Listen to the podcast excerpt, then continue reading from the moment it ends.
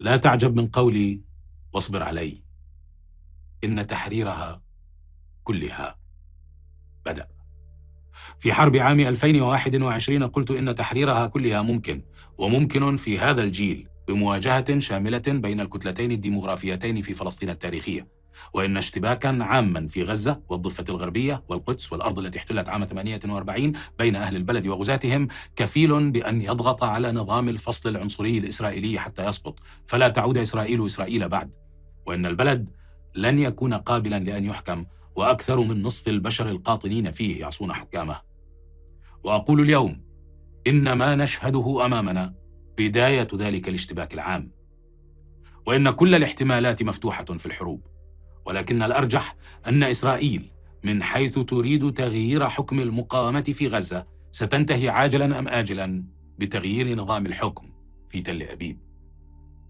إن إسرائيل الدولة المولودة أصلا بعقدة خوف مردها قلة العدد مقارنة بمحيطها العربي تفاقمت أزمتها في السنوات الأخيرة لازدياد عدد العرب في فلسطين التاريخية ذاتها على عدد الإسرائيليين اليهود ولنشوء جبهة مقاومة لإسرائيل على حدودها الشمالية ممتدة من بحر قزوين حتى البحر المتوسط.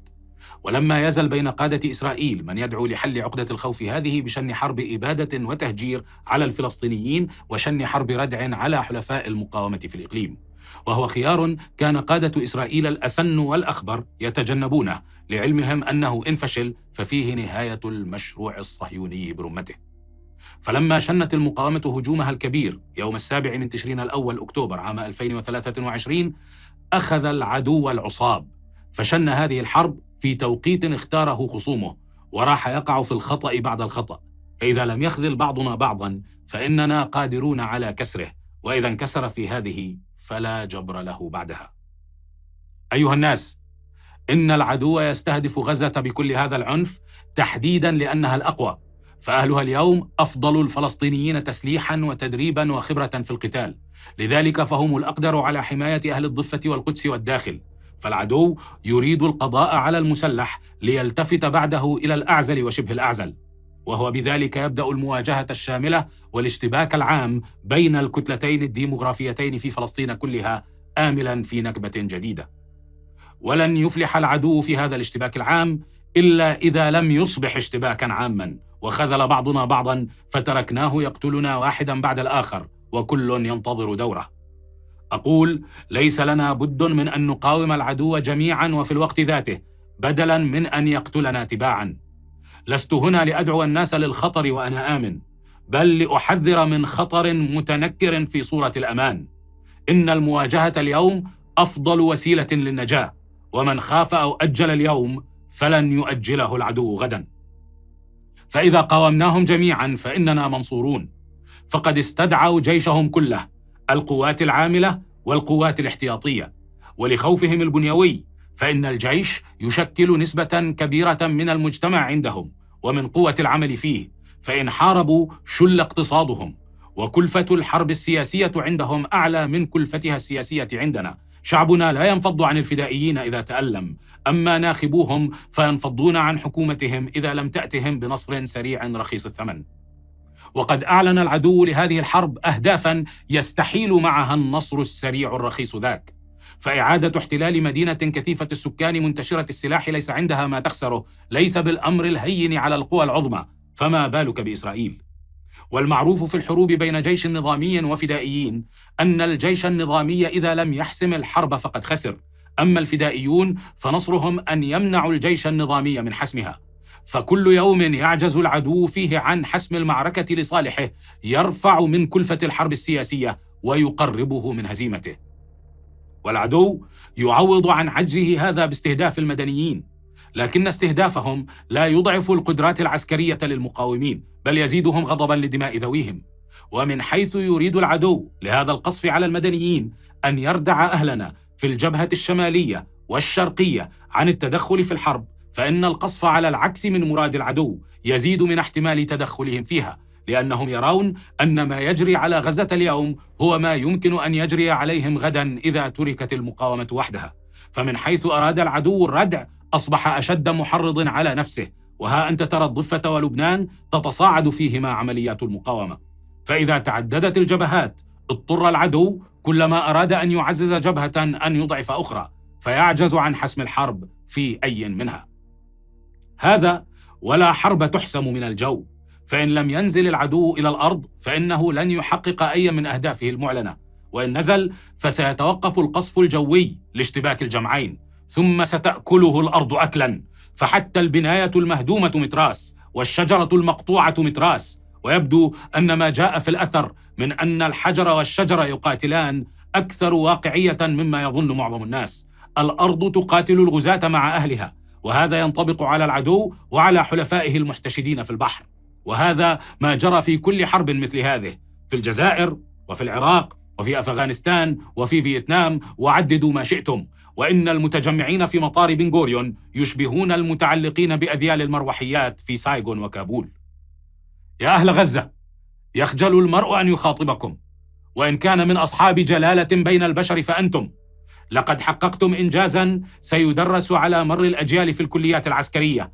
وأربكتم عدوكم حتى فقد أعصابه وراح يهدد بالإبادة والتهجير والقادر على شيء لا يهدد به إنما يهدد العاجز. وإن العدو إذ يطلب منكم الرحيل لتأمنوا يكذب. سلوا أهلنا ممن تهجروا قبل خمسة وسبعين عاما هل أمنوا؟ هل أمنوا في صبرا وشاتيلا هل أمنوا في تل الزعتر؟ بل هل أمنوا في جنين؟ أليست غزة نفسها ملأ بمخيمات تقصف اليوم؟ سكانها أبناء من تهجروا في النكبة؟ هذا والقرار قراركم وأنتم أبطال مهما قررتم لكن العدو يطلب أمان نفسه لا أماننا ويدعو إلى التهجير لا لأنه خائف على المدنيين بل لأنه خائف منهم. ومن ذا يسمع نصيحة عدوه في الحروب؟ يا أهل غزة يا أصحاب الجلالة والسمو لقد استهدف مقاوموكم جنود العدو بينما استهدف العدو أطفالكم ويعرف هذا الألم كل من فقد حبيبا. لكن هذا الألم مهما فعل بنا فإنه لا يدفعنا لمسامحة عدونا في دماء من نحب. هي ثارات آبائنا وأبنائنا ونحن أمة لا تسامح في ثاراتها. نعم غال هو الثمن لكنه ثمن تحرير فلسطين كلها لا أقل. ليس ثمن رفع الحصار أو وساطة من هنا أو هناك. ليس ثمن ميناء أو مطار ولا ثمن استقلال نسبي منقوص قليل الخير كثير الألقاب مضحك مبكن كالذي ترونه من حولكم. هذا ثمن فلسطين كلها من البحر إلى النهر. هذا ثمن سقوط تل أبيب مبناها ومعناها وثمن تحرير القدس مبناها ومعناها. في هذه الجولة أو فيما بعدها من جولات. يا أهلنا في الضفة الشوارع شوارعكم والبلاد بلادكم والمستوطنات دونكم. ويا منتسبي أجهزة الأمن في سلطة رام الله يا ستين ألف مسلح بقي سلاحهم ساكتا يوما بعد يوم والأطفال يقصفون في سرائرهم. هذا التاريخ يكتب فاختاروا مكانكم منه. وانظروا في عيون أمهاتكم وأطفالكم واسألوا أنفسكم هل تطيعون الأوامر وتقفون على الحياد وشعبكم يباد وتحمون الاحتلال من شعبكم أم تحمون شعبكم من الاحتلال وتعيدون لسلاحكم شرفه؟ هل تنتظرون دوركم في الإبادة والتهجير أم تدفعون عن أهلكم بما ملكت أيديكم؟ واعلم يا حضرة الضابط أن هذه الحرب إذ تشتد فإن كل فلسطيني يعاون العدو أو يحول دونه سيكون هو العدو. وسيجري عليه ما يجري على العدو من أحكام. يا أهلنا في الداخل في كل فلسطين التي احتلت عام 48 نعرف سعار الحكومة وسعار المتطرفين وأنتم أدرى بحالكم ولكن ليس خيرا للمرء أن يواجههم في الشوارع اليوم بدلا من أن يواجهوكم في بيوتكم غدا؟ ليسوا غافلين عنكم ولا آمنين إياكم ولا محبين لكم بل هم يبيتونكم. إن من سمى شعبكم حيوانات بشرية وقطع الماء والغذاء عن مليوني إنسان نصفهم من الأطفال في غزة لا أمان معه ما بقي ولا بقاء معه ما أمن. يا أهلنا في القدس هذه الحرب على اسم المسجد الأقصى. وإن لم يعد للمسجد الأقصى من يحميه فأنتم أدرى ما نوايا العدو فيه. المسجد أمانة في أيديكم. يا أهلنا وحلفاءنا وسندنا في الشمال ويا أهلنا في بر الشام الكبير. ويا حلفاء المقاومة في الإقليم إذا حاربنا العدو معا خير لنا من أن نحاربه فرادى وإن لم يكن الآن فمتى؟ يا أهلنا في مصر يا عمود الخيمة وحماة الأمة منذ القدم هذه الحرب على حدودكم أنتم فانظروا ما مكانكم منها وأي طرف تنفعون. وها هي إسرائيل تبني طريقا بريا يلغي قناة السويس وتتحالف مع إثيوبيا في بناء سد يلغي النيل. فماذا يبقى من مصر بعد هذين؟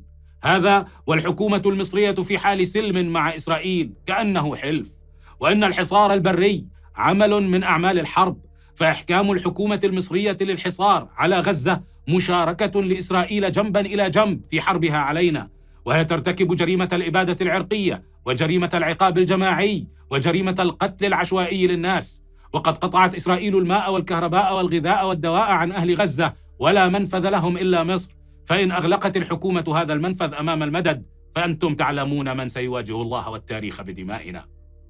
ويا جيش مصر هل ثم من عمل أهم من الدفاع عن النيل وقناة السويس وسيناء؟ ومن يطلب من مدنيين تقصفهم الطائرات الصمود فليوفر لهم أسبابه لا سيما وأسبابه عنده. ثم من عدوك؟ قوة نووية احتلت سيناء مرتين تحاربك في رزقك من المال والماء حتى وأنت تسالمها أم فدائيون يسعون لتحرير شعبهم وبلادهم. سلاحهم معترض بين إسرائيل وسيناء. دمهم دمك وقوتهم قوتك وخيرهم لك وضررهم على عداك. يا حكام العرب إسرائيل تريدها نكبة جديدة. فاستعينوا بمحضر أرواح إن شئتم. واسألوا من كانوا حكاما وتواطؤوا على ضياع فلسطين أيام النكبة الأولى عن مصائرهم ومصائر أسرهم الحاكمة. يا أمتنا والله سنكفيكم عدونا وعدوكم. ولكن اكفونا حكامكم المتحالفين معه. والله من وراء القصد. سيقولون لك ما لك تقول ما تقول وأنت آمن؟ قل لهم أتمزحون؟ متى كان مثلي ومثلكم آمنا في بلادنا؟ وإسرائيل إسرائيل وحكامنا حكامنا. وإن الأمن لفي كنف السلاح. فانظروا من يمنعه عنا وعنكم. إن نظام الفصل العنصري في إسرائيل بعد 75 سنة من النكبة يجد نفسه في حاجة إلى نكبة جديدة. وهذا في حد ذاته دليل على فشل النكبة الأولى على فشل المشروع الصهيوني كله. وهذه الحرب سواء كانت جولة واحدة أو جولات كثيرة هي آخر حروب هذا الكيان. ينتهي أو ننتهي. ونحن منصورون إن لم يخذل بعضنا بعضا في كل فلسطين التاريخية وفي الإقليم. وإن خذل بعضنا بعضا طمعا في النجاة فإن النجاة تهرب من الطامع فيها والموت يهرب ممن يقبلون عليه.